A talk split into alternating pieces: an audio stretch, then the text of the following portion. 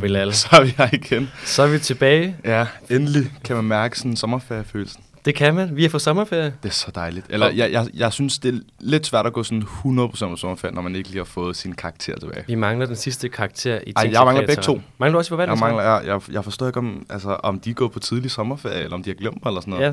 Nå. Men, øh, Jamen, der, jeg mangler stadig par stykker, det ved jeg. ja, det håber jeg. Har du nogle, øh, nogle gode planer for din sommerferie? Jamen, jeg øh, skal arbejde en masse, desværre. Jeg skal lige tjene nogle penge. Ja. Øh, Jeg har haft et lidt for højt forbrug her de sidste par måneder. øh, det må man jo bare øh, se i øjnene, Ja, og så desværre. arbejde lidt mere. Og så skal jeg ud og sejle med min familie. Okay. Jeg har en sejlbåd. Vi, Ja. ja. vi plejer at sejle meget i om sommerferien i den svenske skærgård. Øh, Uh, så det er helt klart øh, planen her i juli, august. sådan en tur må vi også tage på et tidspunkt, tænker jeg. Ja, ja Sådan det kan vi godt arrangere. Ja, Ja, ja. Så må vi høre, om vi kan låne båden. Ja, ja. Det tror jeg bliver lidt svært, men... Øh, Ja. ja, jeg skal rejse. ja. Rejse en del. Hvor skal jeg skal hen? faktisk rejse, øh, nu hvor vi øh, optager, skal jeg rejse i morgen. Til, der skal jeg lige to, øh, to uger til Kyberen. Okay, nå, ligger. Øhm, og så har jeg lige en, øh, en uge til, øh, til Tyrkiet. Nice. Og det er i Ja. august der, eller hvad? Nej, det er sådan slut juli. Okay. Og så Nå, har jeg en okay. masse med, med tuterne og... alt Ja, men jeg ved, du har været svært at lave planer med, så... ja, men, det giver mening, jeg, har, så. jeg har booket. ja.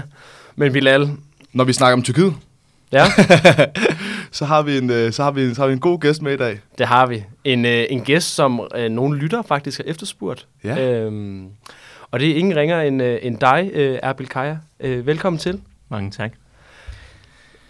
Vil du ikke lige give en kort introduktion til, om dig selv til lytterne, for dem, der måske ikke kender dig? Ja, det kan jeg sagtens. Uh, tusind tak for invitationen først og fremmest. Selvfølgelig. Første tak.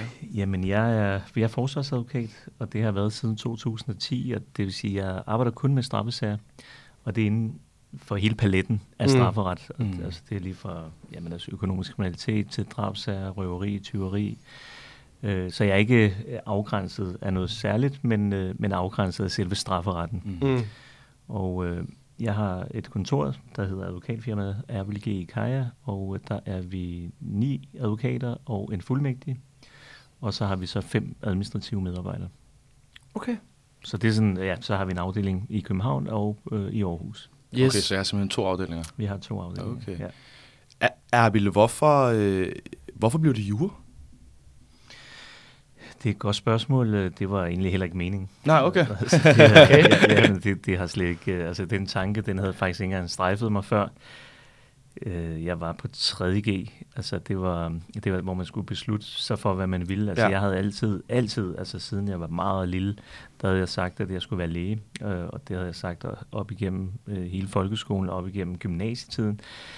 Indtil ja, første anden G, der kunne jeg så godt fornemme, at jeg var ikke så god til de naturvidenskabelige fag, og det Mm. fandt jeg jo så ud af, at det skulle man være, hvis du skulle være læge og have interesse for det, og det havde jeg slet ikke nogen interesse Nej, for, eller okay. forudsætninger for. Øh, Jeg har altid været politisk interesseret, det er det, der har optaget mig. Ja. Så, så der fandt jeg ud af, jamen, det, så skal man jo nok vælge noget, man godt kan lide, og som man er dygtig indenfor. Mm. Øh, og det, og så, så det, som jeg hældte rigtig meget til, det var statskundskab. Ja. Øh, fordi det er jo politik, ikke? Helt klart. Og så var det historie, og så var det psykologi, og så den sidste mulighed, det var jura. Nå, okay. Og, øh, men altså, jeg, jeg lavede en øh, kold kalkyle, kan man sige, og det var, jamen, hvor var jobmulighederne henne? Jeg fandt ud af, som statskundskaber kan du stort, altså det, det er meget få øh, arbejdspladser, Mm.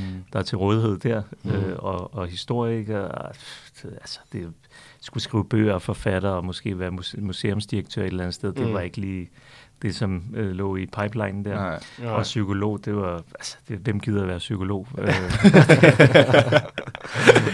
det, det var sgu, øh, ja, Det det blev tosset. for, Ja, men, ja, det blev for altså, følsomt. Ja, det blev, det, det, der, var, der gik jo kraftige rygter om, at man selv havde brug for, fik brug for en psykolog, når man Nå, selv var psykolog. Ikke? Så, så derfor så tænkte jeg, jamen ved du hvad, så, så var der en mulighed tilbage, og det var jura. Mm. Det, altså, det, det er jo også et samfundsvidenskabeligt fag, og, Ja. og så tænkte jeg, at jobmulighederne er gode.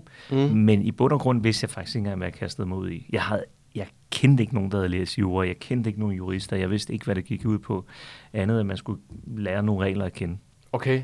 Det er jo lidt sjovt, at du så ender som øh, strafferetlig øh, advokat, øh, når du siger, at du har meget interesse for, øh, eller stor interesse for politik osv. Mm. Så skulle man tro, at, at det var netop øh, et øh, ministerie. Ja, sådan noget EU-ret, eller... Ja, eller et eller andet Ja. øh, i centraladministrationen, at der havde fanget dig. Øh, Og dog. studiet. Ja. Og dog. Altså man kan sige, at strafferetten har jo også elementer af det medmenneskelige. Ja. Øh, altså det, det er så meget optaget med det der med at kunne gøre livet øh, bedre mm. og, og kæmpe for bedre vilkår for mennesker. Øh, og det er jo, at det man siger, det føler jeg et eller andet sted, jeg gør mm. Ja. med det arbejde, jeg har. Så på den måde er det meget godt i forlængelse og i, i fin tråd med mine politiske tanker omkring, mm. hvordan verden bør indrettes. Okay. Så, så et eller andet sted, så, så giver det faktisk god mening Ja. alligevel. Ja. Ja, og, og, og det fører mig lidt videre til, du har, du har lidt svaret på det nu, men, men hvorfor var det strafferetten? Hvorfor var det ikke øh, folkeretten, eller hvorfor skulle du ikke lave noget med omstødelse? Jamen, eller? i, jamen i bund og grund var jeg, altså jeg, da jeg så læste, jeg begyndte at læse jura, Mm. så var det slet ikke meningen, at jeg skulle være advokat. Mm. Okay. Det, var, det var Der er ikke noget, der har været mening. overhovedet ikke, overhovedet ikke. Altså det var sådan, det var, altså hvad skulle jeg være advokat for? Hvad, altså, Ja. hvad, Mm. det, altså igen, jeg kendte ikke nogen, og det var, det var bare, det virkede hårdt det hele, og Mm. mange timers arbejde, og, og jeg følte ikke, jeg, altså var jeg, var jeg dygtig nok til det og sådan noget, fordi sådan, i- advokat, det er jo sådan skridtet videre, ikke, Mm. mm. fornemmede man. Og var jeg dygtig nok til det, og gad man det, og så videre. Og det, så, så det var slet ikke tanken. Det var bare at være jurist, og så arbejde i et eller andet ministerium, højst sandsynligt. Men da jeg så nåede op på, fjerde år og femte år, jamen så det der med advokat, altså det inde på universitetet, så er det jo totalt hypet. Altså det der med, hvad skal mm. du Mm. være? Jamen, jeg skal være advokat. Helt klart. hvad skal du være? Det, og selv folk, der ikke skulle være advokat, de sagde alligevel, at de skulle være advokater, ikke? Fordi det var, sådan, det var meget prestigefyldt. Ja. Og, og det, var, det var slet, slet ikke i mine tanker. Altså, det, var, det, det lå mig totalt fjernt at være advokat. Mm. Men, men så begynder man at lytte til folk, ikke? Øh, Og, og det er også fordi, du er ved at blive færdig, og så Ja. skal man ligesom tage stilling til, hvad er det, du skal og sådan noget. Mm. Og så begyndte man at få smag for det ja, okay, jeg tager bare lige titlen. Mm. Når jeg har titlen, så kan jeg altid gå ud. Ja. Så det var egentlig tanken. Okay. Bare at få en titel, altså Okay. få titlen, Ja. fordi så kunne man være et eller andet, altså så kunne man måske være lidt mere, Ja. Ja. øh, eller have lidt bedre kort på hånden, Mm. at man kunne sige, at jeg har en advokattitel. Mm. Okay. Så det var egentlig det, der var tanken, at jeg skulle ikke arbejde som advokat, men jeg skulle bare have titlen, og så kunne jeg arbejde et eller andet sted. Øh, så havde man den. Ja. Mm. Havde du nogle øh, studiejobs under, under din øh, uddannelse, som har. Ja. formet din, din valg, kan man sige, i for et valg af karriere? Altså, jeg startede faktisk øh, inde ved Snapsetinget. Altså, okay. Det er jo Folketingets restaurant, ikke? Ja. Og det, Okay. og, det, og det faldt jo rigtig godt i tråd med, at jeg gerne ville være politiker, ikke? Ja, altså, ja, ja. Der, der mødte jeg jo alle politikere, der serverede for den ene og den anden prominente politiker, der kom ned og bestilte pizza, og det ene og det andet, så skulle jeg jo servere for dem og uh, Okay, sjovt. fylde, fylde rødvin op og øl Ja. op og sådan noget. Så Nå. det, det, var, det var meget specielt, Ja. at man som, jamen hvad var jeg, altså jeg har været 20-21 år, ikke? Ja. og skulle se de her politikere, altså i den alder der, det var, det var helt, og så afslappede rammer og sådan Ja. ja. noget, det var helt, øh, Det føles helt ulovligt. ja, nærmest, Ja. nærmest, og så, øh, ja, men, men, men man kan sige, det bliver også hurtigt hverdag, ikke? Ja. Så man finder ud af, at det er, det er jo bare mennesker ligesom os andre, og så var det, så tænkte jeg, okay, det er jo, bare, det er jo en restaurant, så det er jo ikke fordi, det er jo ikke studierelevant for mig. Så derfor så rører jeg videre på et advokatkontor, hvor vi arbejder med, øh, ja, det var en kasse, ja. så det var ikke det mest øh, sjove overhovedet ikke. Men bare det at være i det miljø, det er klart, at det kan være med, altså det var ikke fordi det formede mig, følte jeg, men det har det jo givetvis alligevel. Og øh, jamen, hvor har jeg mere været? Så, øh, jo, så var jeg også i Justitsministeriet, okay. i øh, politikontoret. Okay. Øh, Først var jeg presseklipper. Jeg, var, jeg blev ansat som presseklipper for justitsministeren. Okay. Så jeg nåede faktisk, og det, det er man så typisk i seks måneder, så ryger man videre til et af kontorerne. Ja, okay. Og, øh, og, og lige, lige præcis i løbet af de seks måneder, der skete der regeringsskifte. Så jeg nåede faktisk at være, advokat, øh, undskyld, at være presseklipper for øh, Frank Jensen Nå. og for øh, Lene Espersen. Okay. Jeg kan ikke lige huske rækkefølgen, Nej, men, nej, men ja. det var de to, jeg nåede at være Okay. presseklipper for. Øh, så det var også meget fedt at Ja. ja. se minister der, vi jeg sad i samme forstå. gang og sådan Ja, noget. ja, ja, Altså, ja. det, var, det var også ret Fedt. vildt. Ja. Øh, Så jeg mødte ind med, var det fem eller seks om morgenen, og så skulle jeg kigge alle aviserne igennem, og så klippe det ud, som faldt ind under Justitsministeriets ressortområde. Okay. Okay. Ja, og så skulle jeg klippe det, og så klister det sammen i en hæfte. Det, det er før, Og så skulle noget, jeg- computer, kan ja, ja, ja, helt sikkert. og så skulle jeg så, øh, hvad hedder det, print, eller hvad hedder det, kopiere det op i Ja. noget med 30-40 eksemplarer, og så skulle det så uddeles til ministeren og alle mulige departementchefen og, og alle dem. Øh, Jeg vidste ikke, der var sådan en Nej, stilling nej. i, i ministerierne. Ja, det var det. det var, måske findes det stadig, jeg ved det ikke. Ja. Men, øh, Det må vi lige spørge øh, ja. Og så efter cirka 6 måneder, der røg jeg så videre til politikontoret. Ja. Øh, Og der fik så- du vel lov til at lave noget juridisk benarbejde, ikke? Ja, ja, ja. Ja. Det gør jeg. Det Ja. gør. Fedt. Og, og hvorfor blev det, hvad hedder det, forsvarsadvokatvejen og ikke... Ja, det var heller ikke meningen. Okay. Det var heller ikke. Altså, Altså, der, altså, der, ligger, der ligger ikke et aktivt valg i, at det skal være forsvar eller oh, nej, nej, anklager. Det, nej, det var nej, bare... Nej, nej, det var nærmest det er et passivt valg. Okay, ja. Øh, jeg havde forstået på den måde, at jeg, det, altså, ligesom jeg ikke skulle læse jura, ligesom jeg ikke skulle være advokat. øh, og så, jamen, så kom jeg jo i gang, og jeg, altså, jeg, det er lidt pinligt at sige, men jeg har skiftet job rigtig mange gange. Øh, og det har jeg, fordi jeg har ikke, øh, altså, jeg har følt mig utilstrækkelig i de jobs, jeg har haft. Øh, Jeg var først fuldmægtig et sted i et år, og et år og tre måneder, og så røg jeg videre til et sted, hvor jeg var næsten et år, og så igen et år, og så blev jeg så advokat. Øh, føler man nærmest med nød og næppe, ikke? altså være nogle forskellige steder. Og så, da jeg så blev advokat, så skiftede jeg også flere stillinger. Jeg blev jurist i januar 2005, og så øh, i løbet af fem år, der tror jeg, jeg havde fem jobs. Okay. Ja. Og, og, og det begyndte at slide på mit CV. Ja. Og, og jeg begyndte også at tænke, altså det er måske ikke det, jeg skal lave. Altså jeg kan ikke presse noget ned over hovedet på mig selv, Nej. som ikke kan lade sig gøre. Altså det der med prestigen i at være advokat, og Ja.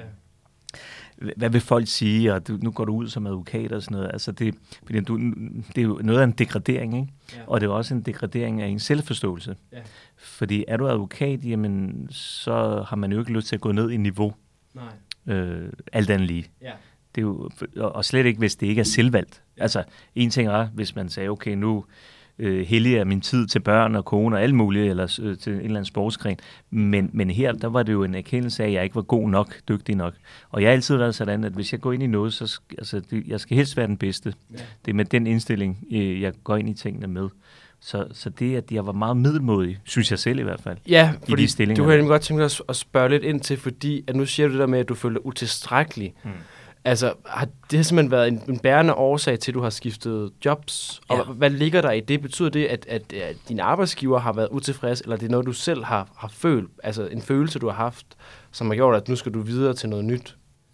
Jeg ved det ikke. Det er, formentlig, det er måske en kombination, forstået ja. på den måde, at det, jeg, har, jeg har selv følt mig utilstrækkelig, men det kan også være, at jeg har følelsen af, at når man føler sig utilstrækkelig og ikke synes, man gør det godt, mm. så, kan man, så lægger man måske også mærke til de feedbacks, man får fra øh, chefen. Øh, så, så det, og, og det der med, at øh, og, og så keder man sig måske, og har ikke lyst til at lave det på den måde. Og jeg er typen, der er social og gerne vil være i front, hvor nogle af de jobs, jeg havde, der skulle jeg sidde og, og lave 20 siders øh, processkrifter uden at have ko- klientkontakt. Jeg, jeg kan ikke sidde 20, hvad hedder det, sidde flere timer og bare lave 20 siders Nej.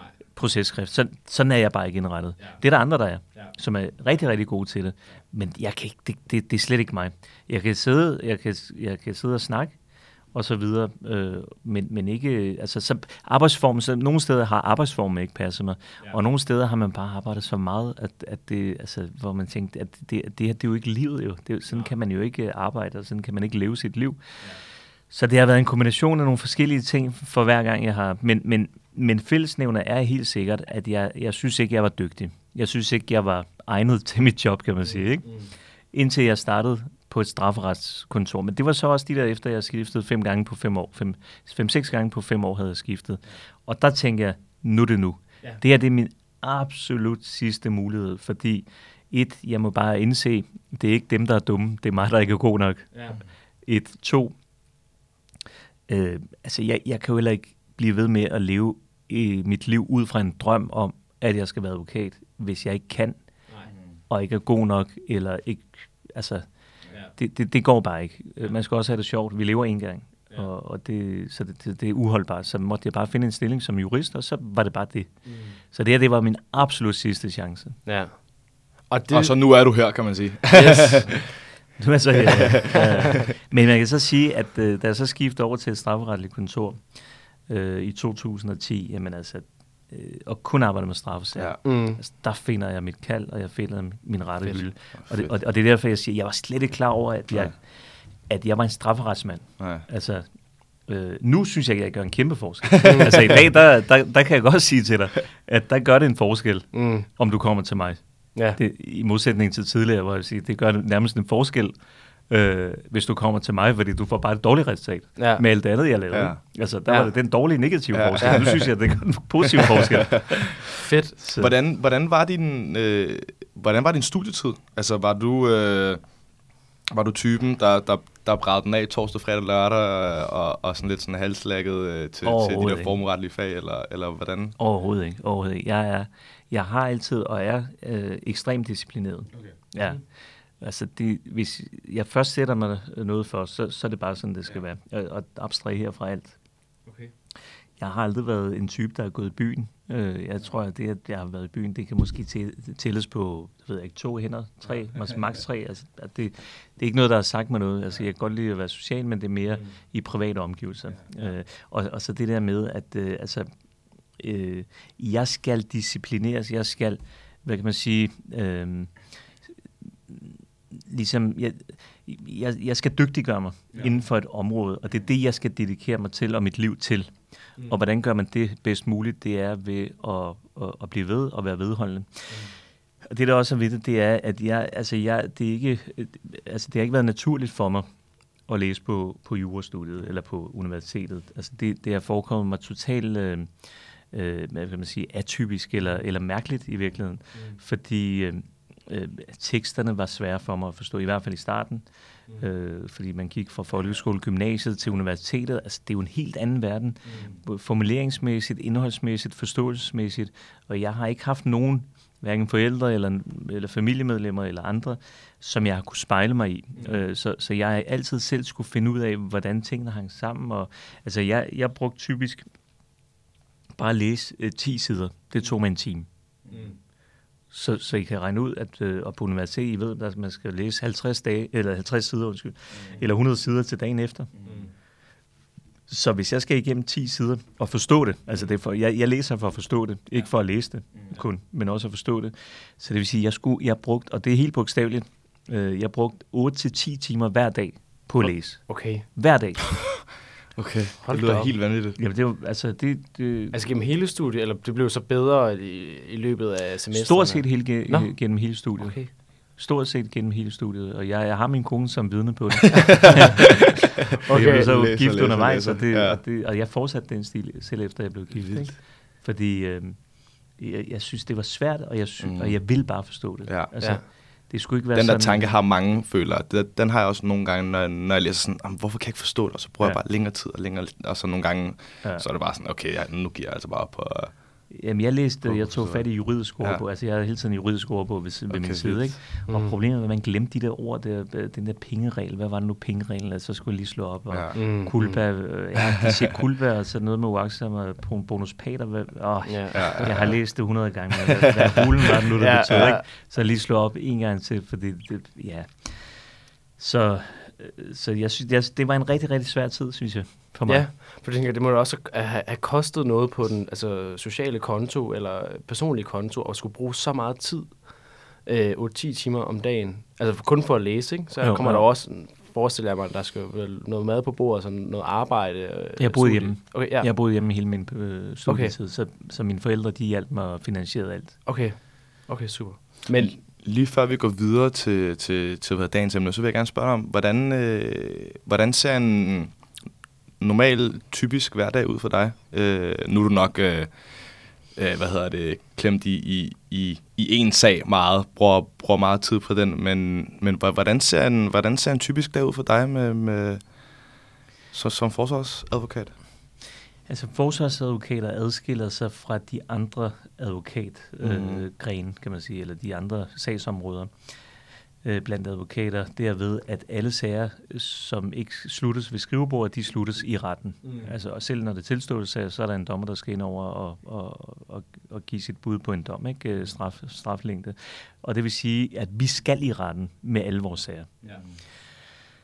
Øh, og det betyder så også med andre ord, at jeg, jeg er i retten bogstaveligt talt hver dag. Så, så typisk, øh, det alt efter hvilken ret det er, så starter vi fra 9, 15, 9 til 15, eller fra 9.30 til 15.30, okay.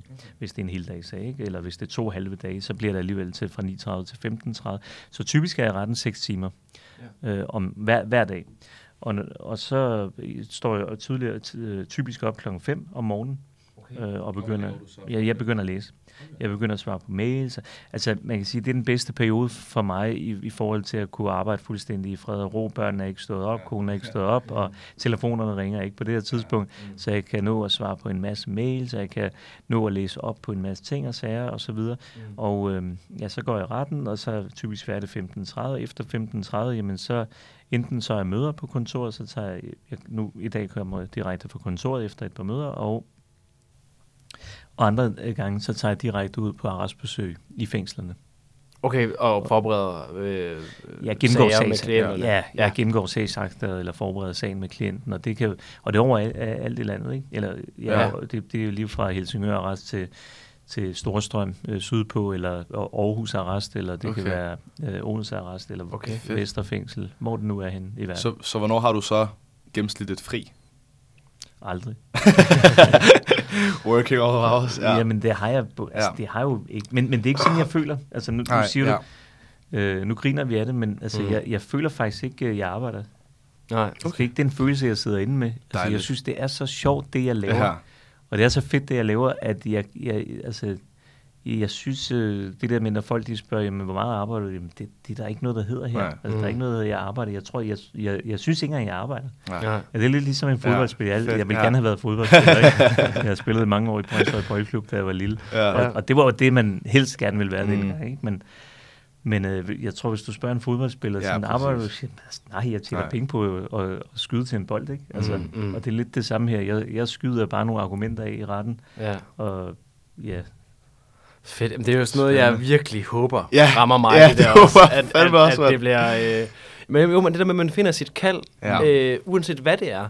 Ja. Og så får, altså jeg har også hørt det, øh, for nu har vi også haft øh, Plesner ind, en Mm. tidligere øh, ophavsretsadvokat, ikke det der med, der kan man også lytte på, altså høre på ham, at det der med, at når man, når man finder det rigtige, man øh, skal Ja. arbejde med, men så går man fra, at det er, er pligtmæssigt, til det rent faktisk bliver sådan et, øh, ja, med et kald på en eller anden måde, ikke? Ja, det, det- det, det skal jo blive sjovt at gå på i godsøjen arbejde, som det jo så Ja. bliver, når det, når det når, eller når i hvert fald når det der stadie med, at, øh, mm. med at det ikke er et arbejde længere. Øh, lige afslutningsvis, eller afslutningsvis, inden vi lige går videre til næste emne, så kunne jeg egentlig godt tænke mig at spørge dig, Erbil, øh, hvis nu man går som juststuderende har en lille forsvarsadvokat drøm i maven, øh, har du så nogle gode råd til dem? Nogle gode tips. Og er man helt doomed, hvis man har fået en dårlig karakter i strafferet i første semester? nej, overhovedet ikke.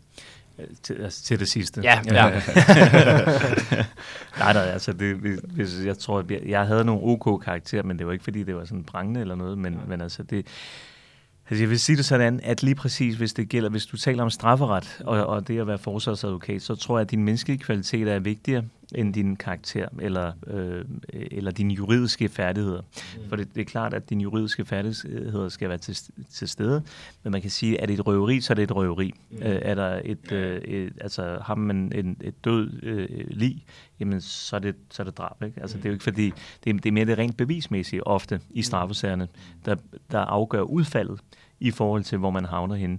Øh, og i forhold til det rent bevismæssige, der er det mere et spørgsmål, ikke så meget om dine juridiske kundskaber, det er det også, men i lige så høj grad, og måske højere grad, at øh, du evner at sætte dit, øh, hele dit erfaringsgrundlag mm. i, igennem hele livet, mm. øh, at det, du formår at omsætte det, øh, de, altså de logiske be- bearbejdelser, øh, og øh, altså evnen til at kunne tænke sig ind i hverdagssituationer, mm. og have en situationsfornemmelse, mm. kunne sætte det ind i en ramme, øh, som nu bliver sat op i forhold til den specifikke konkrete sag, både juridisk øh, og, og, og de ting, som der nu er blevet oplevet. Ikke? Ja. Så at kunne, kunne komme med nogle argumenter, som virker øh, valide, og som virker som noget, man tænker, ja, det, det lyder faktisk, øh, at det stemmer med øh, ens øh, daglige erfaringsgrundsætninger. Mm. Altså vi danner os alle sammen nogle indtryk, og vi ved, hvordan folk kan reagere eller ikke reagere i forskellige situationer, hvad der giver mening, hvad der ikke giver mening. Mm. Altså, så hvis du siger noget, der er på månen, altså, så, så mister du troværdighed. Altså der er nogen, der er så nørdet eksempelvis, mm. som er så ekstremt kloge og begavet, og som er ekstremt dog, øh, dygtige inden for juraen og inden for strafferetten. Men de formår måske ikke at sætte øh, hverdagssituationer og de bevismæssige rammer i, i, i den enkelte sag ind i noget, som giver mening for en dommer i forhold til en frifindelse. Ja. Ikke? Så, så, så det er vigtigt, at øh, man også lever livet. Mm. Fordi det er der, man lærer. Øh, jo flere situationer, du kommer ud i, jo bedre forståelse får du for, og en idé om, øh, hvor mærkelige mennesker kan være i virkeligheden. Ja. Altså, det, altså sandt, ja, ja, ja, ja, det er super altså. Så, så det er de der underlige konstellationer, fordi anklagemyndigheden kan jo finde på at mistænkeliggøre alt. Ja. Og sætte noget mistænkeligt ind i den ramme, du sidder i. Mm. Og så bliver det sådan, du ved, det der måske ikke var så mistænkeligt, hvor man tænker, okay, det, og så lige pludselig så kommer de ind fra højre med et eller andet. Ja. Fra en sms-besked, så siger ah, okay, du er faktisk typen, der kunne finde på det her, ikke? Mm. selvom der ikke er en sammenhæng øh, nødvendigvis. Ja. Men, men så har de for eksempel fået plantet en idé i hovedet på, på dommerne. Mm. Og omvendt kan du også som anklager, ja, undskyld, som, som forsvar, ja. bruge de tricks i forhold til nogle andre øh, ting i sagen, som måske kan sætte vedkommende ind i en bedre ramme. Mm. Okay, så det, i virkeligheden kan man måske godt snakke om, at udover at man selvfølgelig skal have noget jure på plads og så videre, ikke, så mm øh, er det et høj grad også et spørgsmål om retorik, og øh, måske man, man kan gå så langt at sige, at der foregår et lille teaterstykke mellem øh, anklager og, og forsvar, eller hvordan vil du øh, sige det? I, I hvert fald er der en kamp for at beskrive virkeligheden. Ja. Altså kampen om at beskrive den virkelighed, man ønsker skal, mm. skal frem. Og, øh, og, og det er klart, jo bedre en advokat du er, og, og det, altså i hvert fald inden for strafferetten, der vil man sige, at øh, en, en god advokat er en advokat, der har, øh, hvad kan man sige, at der har levet livet. Mm. Ikke? Mm. Altså som er kommet ud i forskellige situationer, som ved, hvordan folk kan reagere osv., og, øh, og som har empatien på plads. Mm. Og også medmenneskeligheden på plads. Altså det, det, det, fordi øh, øh, der er jo nogle advokater, der vil sige, at det, det skal jeg slet ikke røre ved, det er slet ikke min, det kan jeg slet ikke sætte mig ind i, fordi mm. den der forståelsesramme, I bevæger indenfor, det er slet ikke min verden, det der, det er for langt ude, og så videre. Ikke? Mm. Øh, så så, de, så det, der, der kan man jo også havne, hvis, hvis man begynder at sige, det der, det, det forstår jeg simpelthen ikke. Hvordan kan, du, hvordan kan man gøre sådan noget der, ikke? Og i, i led med, at du lige siger der, så har jeg lige et sidste spørgsmål her, det er, øhm, der er jo nogle forsvarsadvokater, der har nogle principper om, at der er nogle sager, de slet ikke tager. Mm. Har du også det? Eller vil du, principielt vil du kunne tage en, en hver øh, straffesag, hvis det skulle være? Øh, ja, det har jeg faktisk også. Altså det, og, og det, man kan sige, det er et eller andet sted usagligt forstået på den måde. Selvfølgelig har alle, altså vi siger jo altid, at alle har ret til et forsvar, mm. og det bedste forsvar mm. og så videre, og alle forsvar bør tage alle sager, og det, og det er jeg helt enig i. Ja. Øh, men personligt øh, har jeg, tager jeg ikke børnepornosager ja. eller overgreb på, på børn. Mm. Nej. Ja, den, den går også meget igen. Ja, ja, ja det, det tror jeg også går ja. meget igen. Hos nogen går den, mm. går den igen, ikke? Ja. Det, det er også min oplevelse, at der er nogen, der siger, at jeg vil hellere bruge mine evner øh, og talenter på at, at tage nogle af de andre sager, ja. øh, end, end det her, hvis man kan vælge dem fra.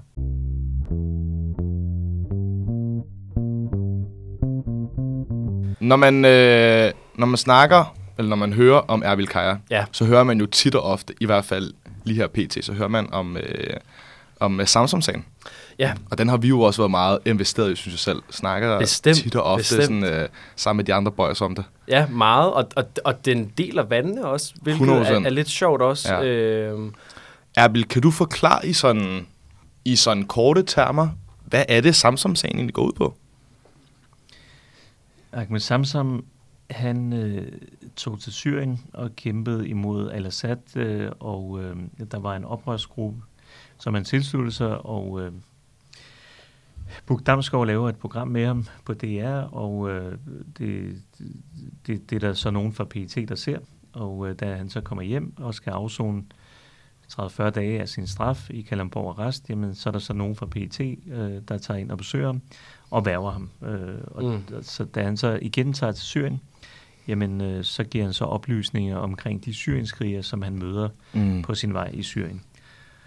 Og øh, ja, det, så, det, han så, øh, så på et tidspunkt i 17, der øh, et par år efter, at han er kommet hjem, og det er slut med at, at kæmpe, der tager han til Spanien, og så bliver han så anholdt, og, øh, Øh, og der får han så en dom, noget terrordom, og øh, det på otte år. Og der siger han, jamen prøv at høre, altså de, de, jeg har været over på vegne af efterretningstjenesterne, mm. så, så det giver jo ikke nogen mening det her. Og der, de kontakter efterretningstjenesterne, de reagerer ikke på Spaniens henvendelser. Og så siger ja, det, altså, det, det har formodning imod sig, at du har kæmpet for, eller du har arbejdet for efterretningstjenesterne, når de mm. ikke engang reagerer på det. Og øh, kvæg alle de beviser, der er, jamen, så mener vi faktisk, at du har tilsluttet dig øh, en, en terrororganisation. Og det får han så otte år for. Okay. Ja, en, en spansk dommer, ikke? Ja, en spansk domstol, ja. Som så blev konverteret øh, til seks år i Danmark i, øh, ja. Ja, i 2021. Ja. Øh, og nu er spørgsmålet så, nu du er selvfølgelig Ahmed Samsums advokat, og øh, har så stævnet efterretningstjenesterne, mm. øh, for at få dem til at bekræfte, at øh, Samsung øh, arbejdede øh, for dem selvfølgelig, og øh, den begynder så her i øh, Østerlandsret den 24. august, ja. og så sent som i går, der skete der en, øh, en stor udvikling, kan man vist godt sige, i, øh, i sagen. Og det var, jamen, vil du ikke selv fortælle, hvad, hvad der skete? Jo, altså der er jo en, øh, altså nu, vi har jo anlagt en civilretlig sag, så den er måske lidt anderledes, end hvad jeg normalt plejer at tage sager, fordi jeg er, ja. jo, straf, jeg er jo forsvarsadvokat, og det vil sige, det er jo folk, der bliver sigtet og tiltalt. Yes. Og her er det anderledes, fordi det er en civilretlig sag, man har, vi har anlagt. Og, øh, og det, der skete i går, det var, at den nu 63-årige øh, pet ansat som er sigtet og, og tiltalt for at lægge oplysninger om Samsam, fordi grund til, at der overhovedet er kommet en bevægelse i den her sag, det er jo, at der er en indefra, og det er sagt med Samsams tidligere kildefører, Øh, han er gået til pressen med de oplysninger, og, fordi han er jo fuldstændig forfærdet mm. over det, der er overgået øh, Samsung, og, og han har familie dårlig samvittighed, og synes ikke, det er fair, det, at man ikke er kommet ham til undsætning. Så han har leveret nogle oplysninger til øh, Berlingske og DR, og de har så kørt den her historie øh, på fuld skrald, og, og Øh, og, og det, der skete i går, det var så, at den 63-årige, øh, som jo så er tiltaget for at lægge oplysninger, ja. det er ikke officielt, men det er det, som alle medier skriver om. Ja. Og øh, der siger man så, jamen vi kan ikke bare, man kan ikke bare lukke dørene, som byretten og landsretten sagde. Mm. Øh, som udgangspunkt, så skal sagen køre for åbne døre. Og det, at den skal køre for åbne døre, der siger de så godt nok land højstret, at hvis, der konkret, hvis det mere konkret kan begrundes, hvorfor dørene skal lukkes, så kunne det godt være, at byretten skulle tage stilling til det. Men bare at henvise til rigets sikkerhed og fremmede magter og, og, og jeres øh, ja, sædvanlige trylleformular, det, det går simpelthen ikke. Og, øh, og det giver jo så et håb om, at hvis de så vælger at køre en sag mod den her mand, 63-årig, øh, så skal han jo afgive en forklaring og fortælle, hvorfor han har lægget oplysningerne om Samsam, som måske kan gøre, at vi kan bruge det i vores sag. Mm. Fordi vi har jo bedt landsretten om at få, øh, at vi får lov til at indkalde ham som vidne i Samsam-sagen. Yeah. Og, og der har landsret øh, givet afslag på det, fordi man har sagt, jamen øh, når PET ikke vil løfte hans tavshedspligt eller fjerne den, jamen så kan vi heller ikke give tilladelse. Så det kræver, at man løfter hans tavshedspligt, og det vil PT så ikke. Okay. Men det er klart, at hvis hans sag skal køre for åbne døre, jamen, så er der lige pludselig mm. en række oplysninger, der kan komme frem, hvor man ikke længere kan sige, okay, nu er der et hensyn at tage til tavshedspligten, fordi nu har han jo fortalt det ja, jo for klart. åbne døre. Ja. Og, det er det, og, det, og nu afventer vi jo og ser, hvad, hvad vil, hvad vil anklagemyndighedens næste skridt så være? Mm. Vil man så droppe sagerne, som, mm. de måske, som de også har varslet, eller, eller vil de bede om, at der er nogle dele af øh, sagen, der kommer til at foregå bag lukkede døre. Mm. Så det bliver selvfølgelig en spændende, ud, øh, spændende ting at, at, at se, hvordan det udvikler sig. Hvis at øh, det her civilretlige søgsmål mod øh, øh, tjenesterne, øh, det, det lykkes at få øh, etableret, eller i hvert fald få en dom på, at, at der har været et, et samarbejde mellem Samsung og FE og PET, øh, hvad vil det så have betydning øh, for Samsung-sagen øh, i, i det store hele? Altså man kan sige, at den her sag i Danmark, den skal jo bruges til at få genoptaget sagen i, i Spanien. Ja. Øh, fordi vi, det, der ligger jo en dom i, i Spanien, og det kan dansk domstol jo ikke gøre noget ved. Nej. Øh, så derfor kræver det en genoptagelse. Så vores håb er selvfølgelig, at vi kan komme i land med det her, og vi kan få domstolen til at sige, at der var et samarbejde mellem øh, FE og PET øh, og Samsam, således at man kan undergrave den spanske dom, mm. som jo netop siger det her med, det må, det må have formodning imod sig. Hvorfor skulle de ikke være der kommet jer til, eller dig til undsætning, mm. hvis det, du siger, er rigtigt? Mm. Mm. Øh, så, så både det, men også en række andre oplysninger, kan måske være med til at, øh, at, at slå hul på den spanske dom. Interessant. Øhm, mens vi lige lavede noget research på den her sag, så læste jeg også lidt, hvad den modsatte fløj har at sige, og nu kommer jeg bare med et par tillæg, som øh, kammeradvokaten har skrevet, som jeg godt øh, kunne tænke mig, at du forholder dig til, hvis du har lyst. Og de skriver, at øh, eller de vurderer i hvert fald i et partsindlæg, at hele to spanske domstole, altså en appeldomstol i Madrid og den spanske højesteret, har specifikt taget stilling til betydning af et eventuelt samarbejde mellem Samsung og de hemmelige tjenester. Og de begge domstole, de konkluderer altså, at udfaldet af straf, straffesagen var blevet det samme lige meget, om den havde eksisteret et samarbejde eller ej. Mm. Hvad, hvad, hvad tænker du om det, når de, når, når de, laver, eller det, når de skriver sådan et partsindlæg? Altså, man kan sige, sådan mere konkret, der, der, det er jo, så længe sagen baserer ved domstolene, så er jeg afskåret fra at skulle kommentere på, mm. på, på den del af det. Men sådan helt generelt ja. kan jeg sige, at det er jo vores opfattelse, at, øh, at, at Samsams sag i Spanien mm. vil klart have stillet sig et andet lys, hvis der ikke var begået en række fejl. Ja. Det er jo blandt andet det her med, at efterretningstjeneste, altså kunne, kunne det vidderligt ikke have haft en betydning mm. for Samsung sag, hvis efterretningstjenesterne sagde, den her mand, han har rent faktisk arbejdet for os, mm. og vi mener ikke, han har gjort noget forkert. Ja. I hvert fald ikke, da han var dernede i, øh, i 13 og 14. Mm. Så, så, altså, fordi det jo, og, og så har man, øh, den, den gruppering, han havde tilsluttet sig, der tyder det på, at man har lavet noget Google-efterforskning, som mm. går på, at hvis du øh, googler. Øh, han, han, han havde tilsluttet sig en gruppering, der hedder El, øh, Eliman Kataib. Øh, altså det, det er et M og et N til sidst. Mm. Iman eller imam. Mm. Som gør forskellen på to forskellige grupperinger. Den gruppering, han havde tilsluttet sig, var en gruppering i Syrien, der kæmpede mod al-Assad. Øh, og den anden gruppering, det er en gruppering i Irak. Mm. Og han bliver dømt for at tilslutte sig grupperingen i Irak, der ikke har noget med Syrien at gøre. Mm. Og den gruppering i Irak, det er en terrororganisation, hvorimod grupperingen i Syrien er ikke benævnt, og heller ikke stemplet som en terrororganisation. Mm. Så det vil formentlig også have gjort en forskel. Så det er flere, en flerhed af forskellige ting, ja. der formentlig vil have gjort en forskel i, i den her sag. Okay. Øh, interessant. Virkelig interessant. Hvad, hvad tror du, øh, fordi når man, når man snakker Samsung-sagen, så snakker man også meget retssikkerhed. Hvad har, øh, hvad, hvad har den her sag af, af, af betydning for, for retssikkerheden her i Danmark? Det er i hvert fald en sag, der bør optage os alle. Og, og det bør det gøre, fordi da vi, vi er vidne til et justismord mm. foran øjnene mm. på os alle. Øh, og det er jo ikke bare noget, hvor nogen anklager en anden part for at have gjort noget. Det her, det er jo en myndighed, mm. som orkestrere et justismord, og det er jo ikke bare hvem som helst. Altså, det her det er med åbne øjne, og det er en politisk beslutning, formentlig borget af en række fejl, mm. eller en politisk modvilje mod at tage i gå sig en terrorister hjem, øh, fordi man måske i den danske offentlighed vil sige, hmm, det var da, altså, hvorfor skal vi have, lidt ligesom den modvilje, der er øh, imod at tage syriske kvinder hjem, mm. som har været i, i, i Irak og Syrien og så videre, ikke? Og, og, og understøttet islamisk stats aktiviteter ved at være der, og deres børn og alle de her ting, mm. hvor PET jo netop sagde, at deres radikaliseringsproces er et større problem i ja. Irak og Syrien, hvis de blev der, frem for hvis de kom her, og vi kunne indoptage dem og integrere dem i det danske samfund. Altså, mm. der, der er det en større risiko. Men det var også en oplysning, der blev undertrykt af de danske politikere. Det var en oplysning, man ikke ville have frem, mm. og så blev den også lækket mm. i medierne. Og så var det, at de måtte trække land og sige, okay, nu tager vi dem hjem. Øh, det er jo derfor, der skete den udvikling, fordi den rapport også blev lækket, som PET har lavet omkring øh, det her med, at det er bedre at hjemtage den, end at lade den øh, gå for lud og, og så kold øh, i, i, ja. i de lande der. Men, men, så, så der er en, også en politisk modvilje imod de her mennesker.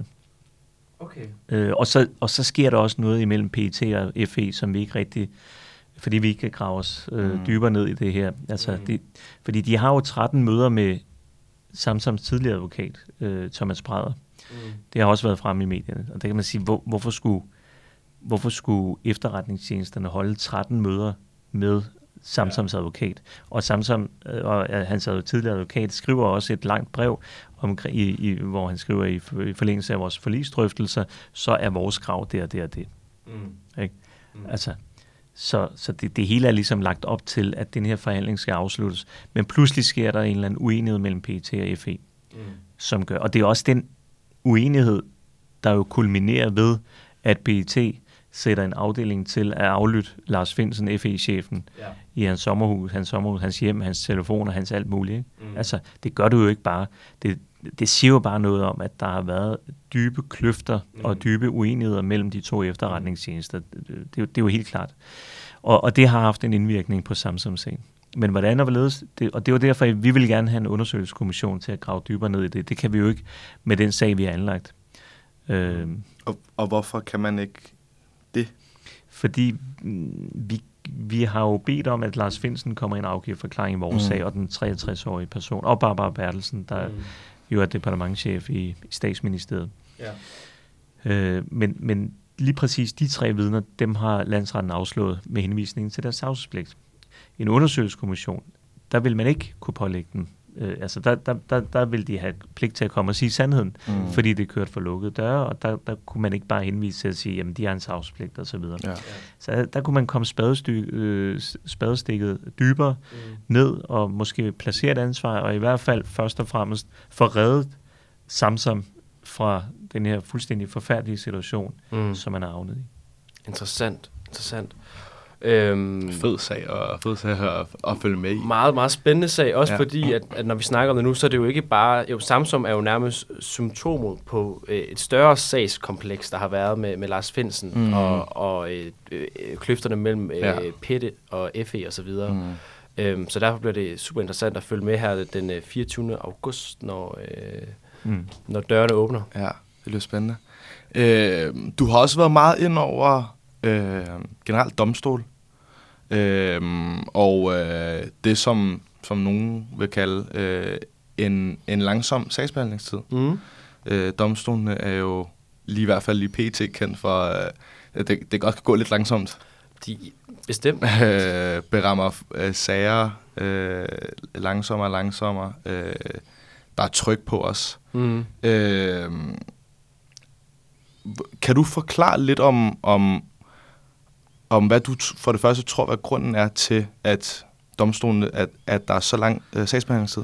Ja, altså nu siger du, det går meget langsomt, ikke? Mm. Vi andre, vi kalder det for domstolskollaps. altså, vi, vi er desværre vidne til et decideret domstolskollaps. Ja. Altså, det er... Okay. Det står ekstremt gralt til, øh, og det er jo det er jo det her med, at man ikke har tilført ressourcer til domstolen. Altså hele tiden har man talt om strammer straffe, og folk skulle have længere straffe, og folk skulle udvises og, og så videre. Øh, men det ligger jo et pres på øh, hele systemet, fordi så, skal, så er der flere sager, der skal opklares, og der skal øh, hurtigere, sagerne skal hurtigere igennem, og Øhm, øh, og, og uden på tilsvarende vis at tilføre domstolen ressourcer. Mm. Så man tilfører altså anklagemyndigheden ressourcer til at kunne producere flere anklageskrifter, politiet flere ressourcer til at øh, producere flere sager, øh, opklare flere sager, men på tilsvarende vis har man altså ikke tilført domstolen ressourcer til at ansætte flere dommer og så videre. Og, øh, og det, det viser sig også ved, at, øh, at vi i EU øh, er det land, der bruger mindst øh, midler øh, i forhold til BNP i hvert fald, mm. øh, færrest midler øh, efter Kyberen.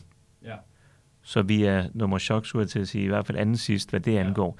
Og det er lidt mærkeligt, at øh, det, altså, det kan godt være, at vi har nogle gode og effektive domstole, men de kan jo ikke overleve eller leve uden at også have de fornødne ressourcer. Mm. I og med, at man strammer skruen, jamen, så, siger, så der er jo mange straffe nu, øh, som ligger over fire år. Altså, øh, og det betyder, så er, der, så er det en nævningssag. Mm. Og med nævningssag er det ikke bare én dommer, så ligger du beslag på tre dommer pludselig. Mm og øh, skærpelser af, af, hvad hedder det, øh, sanktioner i form af udvisning, opholdsforbud.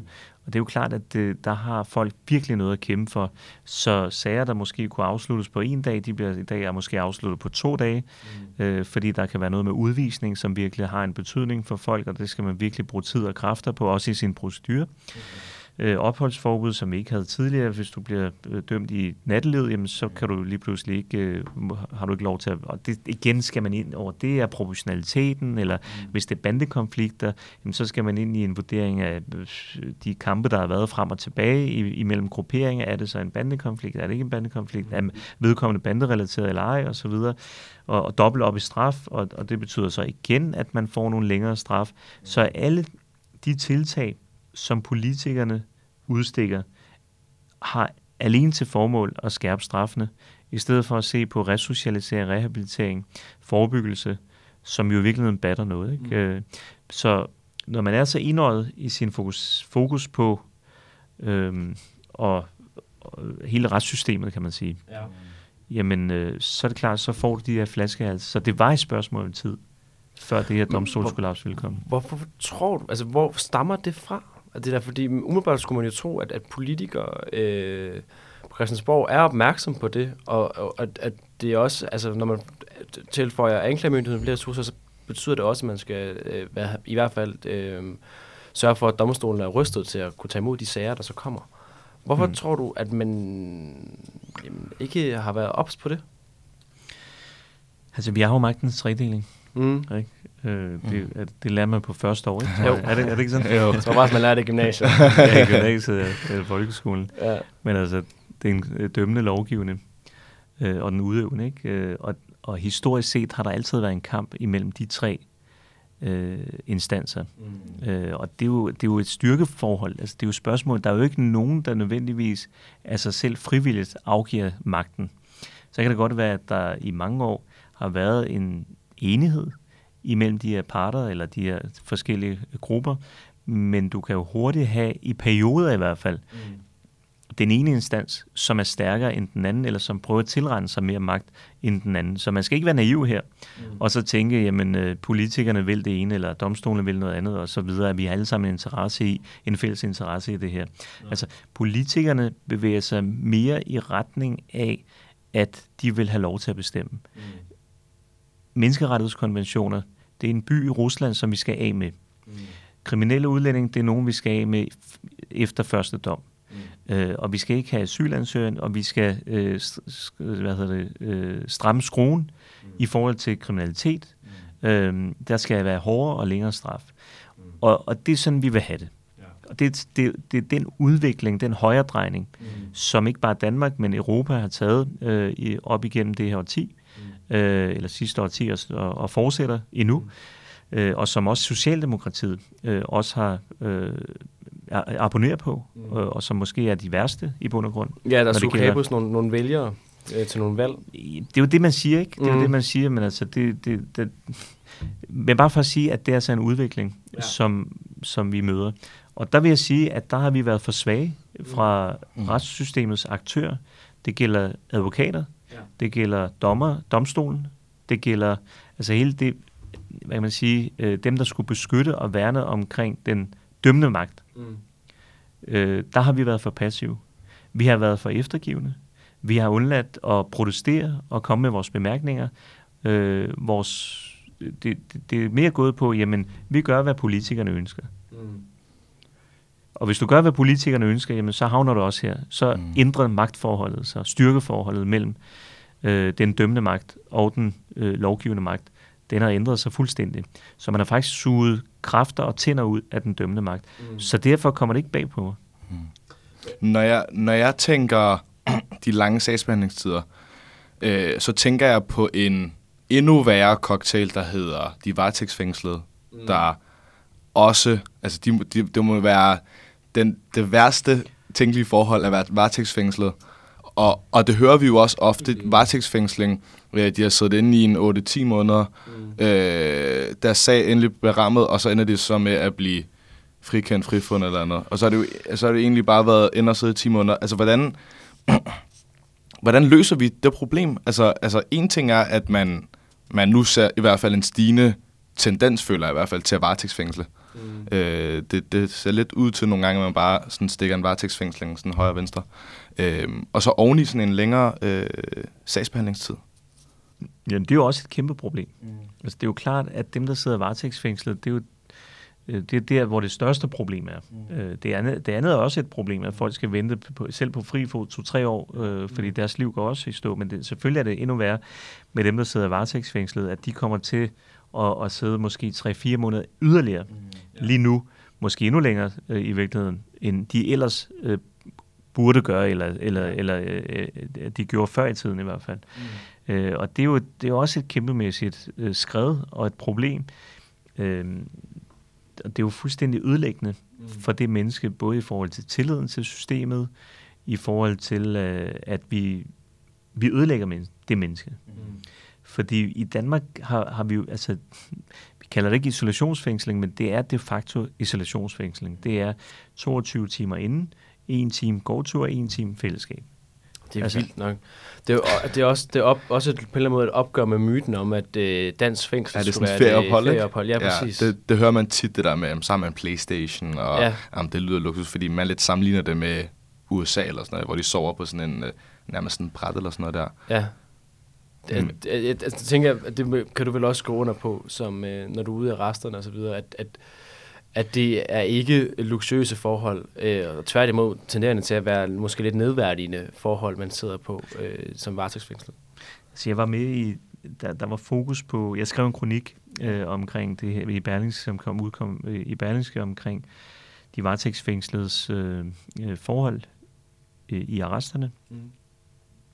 Øh, og det kom så blandt andet af, at øh, det, det, det, det var faktisk Lars Finsen, der satte gang i det der øh, i virkeligheden. Fordi i hans bog, der skriver han omkring forholdene og så videre, og, det, og, der, og der bliver så nævnt det her med, at man øh, der var nogen, der måtte øh, lave afføring i, i, ind på sit, altså i, i skraldespanden, og, og måske urinere i, i øh, hvad hedder det, ja, inde på værelset og så videre, ikke?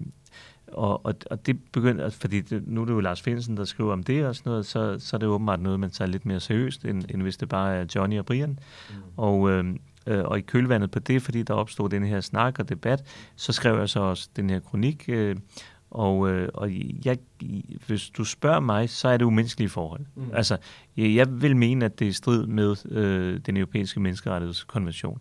Den måde, vi øh, behandler folk på. Altså, vi, vi, vi blev jo dømt i, øh, ved den, øh, i forhold til det her med, der var en svømmer, ikke, øh, Rode, som, øh, som havde siddet isolationsfængslet, fængslet, jeg tror det var et år eller et eller andet, så det var ganske, ganske lang tid, og han var jo blevet psykisk invalideret, altså psykisk syg simpelthen.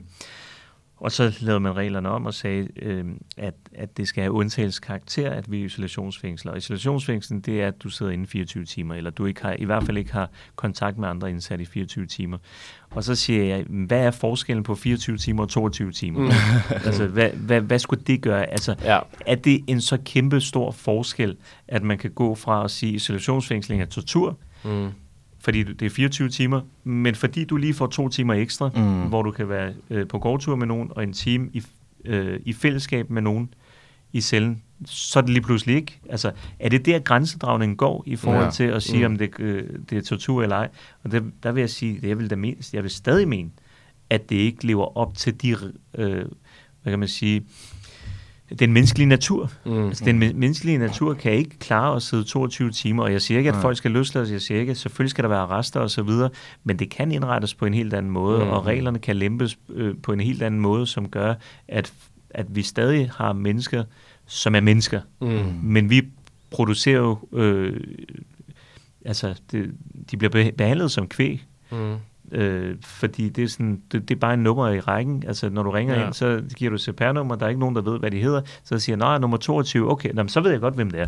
Altså, okay, ja. så for, for de indsatte, altså før i tiden, der var det måske mere dialogbaseret. Man vidste, at det var det var Sune, det var Ali, det var, altså, mm. man vidste, man var på fornavn, men i dag, der, du, ja, kom nu ind, kom nu ud, jeg skal lige kontrollere dig, og så er det det, og så farvel og tak. Der er ikke tid til andet. Så på den okay. måde har man også øh, hvad kan man sige, øh, suget kræfterne ud, ja. også af fængselsvæsenet. Ja.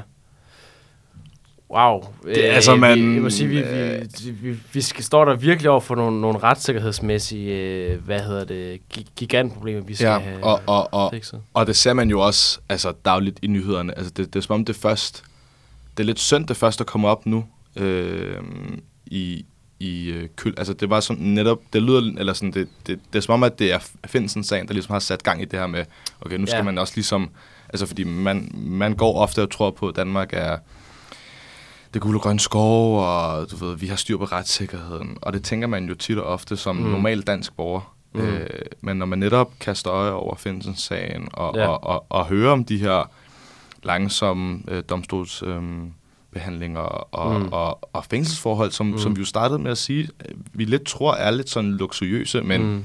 egentlig jo ikke er sådan. Ja. Øhm, Det er vildt, og så Det sætter- kombineret med, ja. med, hvad det Erbil sagde netop, at jamen, det hænger sammen med en, en, en, en højere populistisk drejning, der har mm. været Mm. gennem hele Europa. Mm. Mm. Og det kan jo også godt give god mening, i og med, at hvis man holder fast i, at der er sket en højere drejning, mm. jamen så er der jo ikke særlig mange stemmer i at øh, gøre øh, forholdene mere humane for indsatte rundt omkring mm. i, i fængsler. Og det kunne jeg også godt forestille mig er med til at gøre det mere besværligt og, øh, at forbedre forholdene i, mm. i danske fængsler især. Vi kunne blive... Øh, vi kunne blive ved i øh, vi. flere timer, og øh, må man ikke vi hiver dig ind, endnu en gang Ja. her på et tidspunkt.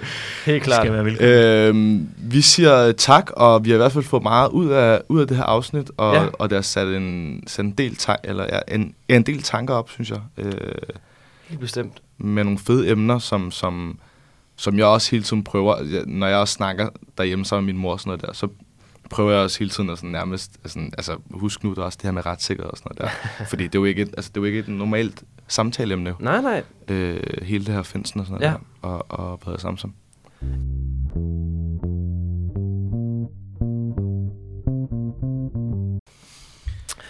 Bilal øh, og Erbil, vi skal til brevkassen, og endnu en gang har vi været heldige at få et, øh, et spørgsmål. Dejligt. Øh, vi skifter jo lidt emne nu, øh, Mhm. noget til noget lidt mere jordnært, i hvert fald for, for, for jurastuderende. Mm. Og det er, øh, nu læser jeg bare op, Ja. en pige fra 21 år, som lige har færdiggjort øh, andet semester på jura. Øh, og hun skriver øh, følgende. Det er gået udmærket, øh, men jeg har haft særligt svært ved erstatning og kontrakt. Jeg frygter derfor meget de formueretlige fag på især 3. og 4. semester, det vil sige obligationsret og ting til. Er det en begrundet frygt, og hvordan håndterer man presset for de kommende fag, eller fag, som jo nærmest efterhånden har sådan en mytisk øh, klang af, hvor, hvor hårde de kan være. Ikke? Nå, men altså, det, når man kigger på de der snit, så begynder man nærmest at sådan... Øh, Det er det, og det tror jeg, hun har gjort. Ja, hun har lige kigget på, hvad hedder det, Obli, Ja. øh, fra en eller anden, hvor det har haft sådan noget 2,8 eller sådan noget, Ja. ja. så har jeg bare tænkt, hvordan fanden klarer jeg det her? Hvad, øh, Erbil, hvad vil du råde øh, en pige på Åh. 21 år til sådan Det er et godt spørgsmål. Hvordan det havde der. du det med, Jamen, med sådan nogle fag? Jamen, jeg havde det præcis på samme måde, som hun havde det. Altså, Ja. det var, hvad var det, det hed? Var det i min tid ejendomsret?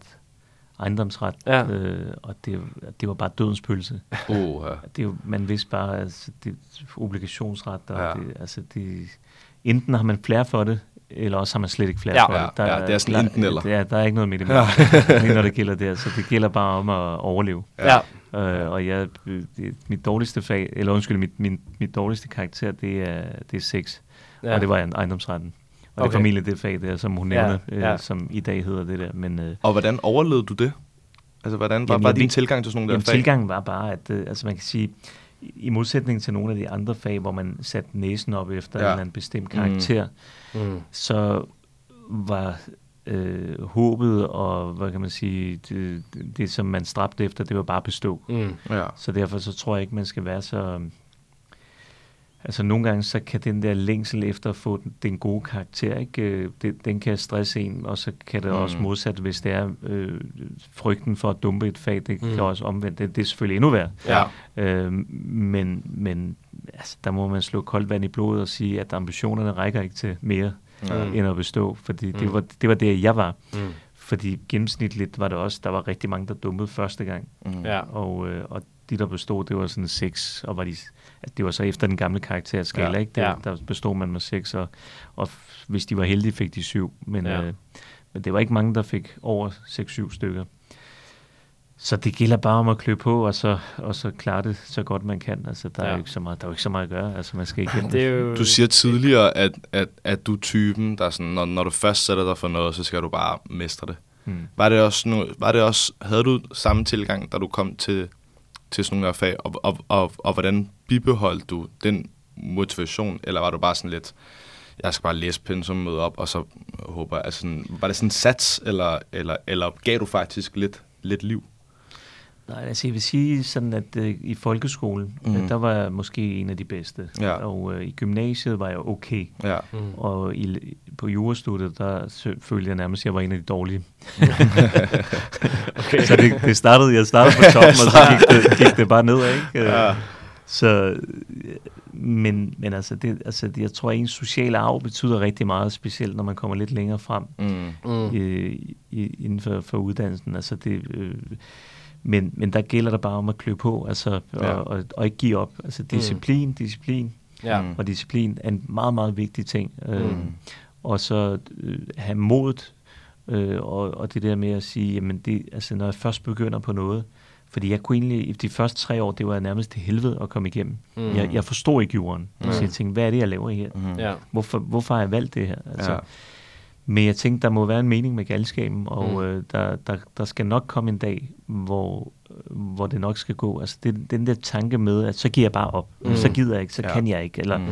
det, det, den har ligget mig fjernt. Det Ja, har altid okay. været, for mig har det været sådan, nu er jeg begyndt. Mm. Ja. Nu bliver jeg nødt til det, for ikke at Mm. tabe ansigt over, først og fremmest over for mig selv, Mm.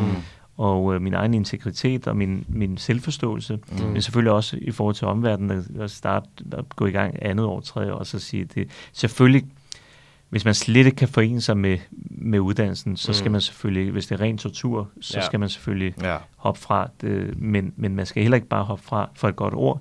Nej. Øh, det skal være hårdt, før det bliver godt. Ja. Det er sådan, man skal øh, forstå det. Det synes Vi jeg har jo lige været der, Ja, kan man sige. altså det var lidt nu Øh. et koldt og kynisk øh, budskab fra Erbil, men det... Ja. altså, vi har lige været... Jeg, jeg kan huske Obli øh, på tredje. Altså, det, det var seriøst hen mod slutningen, hvor jeg forstod, hvad, hvad, hvad faget var. Altså, og der gav det så også rigtig god mening også, sidst. det var december, der var mørkt. Ja, og, og det er også bare fordi de bøger, altså det er også bare de der bøger, og øh, Ja. Thorsten Iversen øh, kan lige få en kæmpe fuckfinger for det, fra, fra, fra de bøger, fordi kæft, man forstod aldrig noget af, af hvad man læste. Der var 60 Nå, men de sider var om... skrevet til advokater. Ja, det er jo det er, en forfærdeligt. Det får Ja. Københavns Universitet, får lige en skjult kritik af det. Ja, af det pensum, at, øh, ja. det, Men, men øh, jeg, jeg, min måde at overløbe på, for jeg havde det præcis, især på fjerde semester, ja. med, hvad hedder det, ting så kredit til ret. Al- Altså, det var jo søst. Altså, det var også... Øh, altså, jeg fattede... Jeg, jeg har ikke fattet noget på noget tidspunkt. Altså, jeg, jeg, har- jeg, jeg har bare mødt op til undervisning og tænkt, hvad er det, hvad er det der med pant og pant? Og altså, for nogle måneder siden, der tænkte jeg, at pant det var noget, jeg, jeg, jeg gjorde nede, nede, i, nede i Netto, og nu så er der øh, pant her og pant der, og sådan, ja. det gav ikke nogen mening for mig. Og Ja. der var det jo bare... Øh,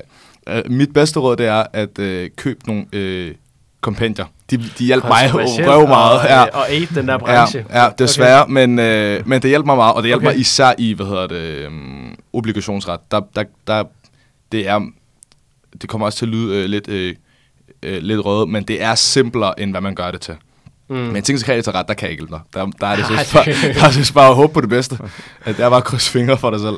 Altså, hvis jeg skulle lige uh, give et, sidste råd her også i, i led med Erbil og Bilal, så vil det nok være lidt, ligesom du også siger, Erbil, uh, disciplin. Mm. Uanset hvor, uh, hvor træls det lyder, fordi det er nemlig ikke den nemme løsning. Uh, så altså, der, skal, der skal der altså lidt til, Ja, øh, 100, føler jeg, i, ja. i, i de store formueretlige fag. Også fordi, Ja. for min egen, jeg kan kun snakke for mig selv, der var hvert fald de store formueretlige fag har været sådan øh, gigantisk curve, fordi jeg ikke har haft nogen form for øh, connection med, med, med det formueretlige mm. i Mm. det hele taget. Ja. Øh, så det har været en helt ny verden for mig, jeg skulle Mm. øh, øh, bestige. Ikke? Ja. Øhm, Men, Så. men altså, det, det er jo bare generelt, altså, en ting er, at fagene er svære, men, men andet er, når man ikke har en, en mo- motivation. Altså, Mm. mm. obli bliver jo lige pludselig lidt nemmere, hvis man godt kan lide faget, eller Mm. mm. har en eller anden drøm om, at man gerne vil ind på et øh, Ja. øh, øh, sted og arbejde med det. Men, men når man sidder os to og ja. sidder offentlig ret og sådan noget der, så øh, formueretten er jo, øh, det er jo lige til at lukke Enig, af. ah, men jeg vil så også lige hurtigt, som jeg har sagt i de tidligere afsnit, så vil jeg gerne lige modificere det udgangspunkt, fordi at øh, der, er, der er altså noget med, at uanset hvad du får øh, stukket i hænderne, og du bruger tid nok til at dyrke det mm, og sætte dig ja, ind i det, Ja. så skal det nok blive interessant nok, til du kan komme igennem det. Mm. Og, og, Du og, kan let snyde dig selv til at, Ja, gøre, det, til at gøre det spændende. Men Ja. men ja altså på, på, på, på den anden side, sådan, så som du også sagde tidligere, Erbil, det er jo ikke... Altså, øh, der er nogle fag, som man, øh, altså, hvor, hvor man tænker, ja tak, Mm. og bla, bla, bla, og så er der noget andet, hvor man bare tænker... Jeg tror også, det hænger sammen med, at øh, altså, strafferetten for eksempel er Mm, et jordnært fag. Mm. Altså, det er jo noget, man kan forholde sig til. Der, der er film, der er Ja. krimistof, der er, Der er nyheder hele tiden Der er nyheder der. omkring Ja. det, og der er Samsam-sagen, og Ja, man kan forstå det. Og det, præcis, altså, det, du, det, man siger, okay, det Ja. fandme, han er kommet i fængsel for det her. Ikke? Ja, altså, ja. Øh, og så, så, så har du sådan noget med obligationsret, og så det sådan, hvad skal det bruges til? Ja. Altså, du kan ikke sætte det ind i Nej, en forståelsesramme, som du det normalt øh, lever i. Ja. Og, og det gør også slet ikke, når man er... Jeg var 19 Mm. mm. år, da jeg startede på universitetet. Mm. Mm. Altså, det, det var slet ikke min verden. Det er jo ikke den. Nej. verden, man, vi, man normalt kommer fra. Mm.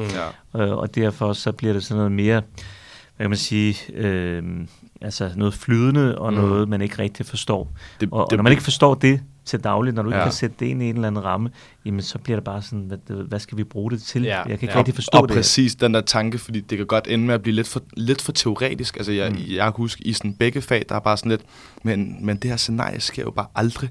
Mm. Eller sådan det, og, og, og sådan noget andet er også, at det ikke er, det er ikke så samfundsudviklende. Altså, sådan, Obli har været Obli, Mm. siden Obli Mm. blev lavet. Hvor uh, netop strafferetten, som er lidt mere jordnær, er, så er der en ny lov her, og så nu Mm. har man noget med noget grooming. Og så, altså, Mm. det, Mm. der, er jo helt, altså, der er jo hele tiden en ny bestemmelse, Mm. hvert år nærmest nu. Mm. Øhm, fordi at vi ligesom er i en udviklende tid, hvor sådan obli, altså sådan, en, en, en mangel var en mangel for 60 år siden, og det er også en mangel nu. Ja. Det er så- ligesom så med det bliver- li- ligninger og funktioner i Ja. matematik, ikke? Ja, ja. Det fattede man heller Ja, ja, ikke. øh, præcis. jeg tænkte, hvad- Hvornår skal jeg bruge ligninger?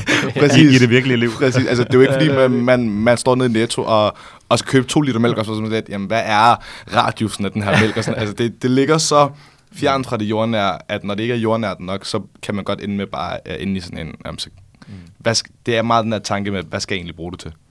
Enig. Øh, And on that note, Ja, on that note, øh, vi har været super glade for, at du vil øh, bruge noget af din meget sparsomme tid på at komme ind og snakke med os. Jamen, det du skal der videre takker. efter at snakke om Samsam, eller jeg må læse. Ah, jeg tænker, jeg skal... Hvad, ja, nu klokken er næsten Ja, ja, 19, ikke? ja. Øh, Så Ja, jeg vi tænker, optager jeg, sent i dag. Ja, jeg tænker, jeg skal hjem af. Ja, perfekt. tak fordi du var med. Jamen, Og så ses vi øh, om nogle afsnit. Det gør vi. Hej. Hej. Ja.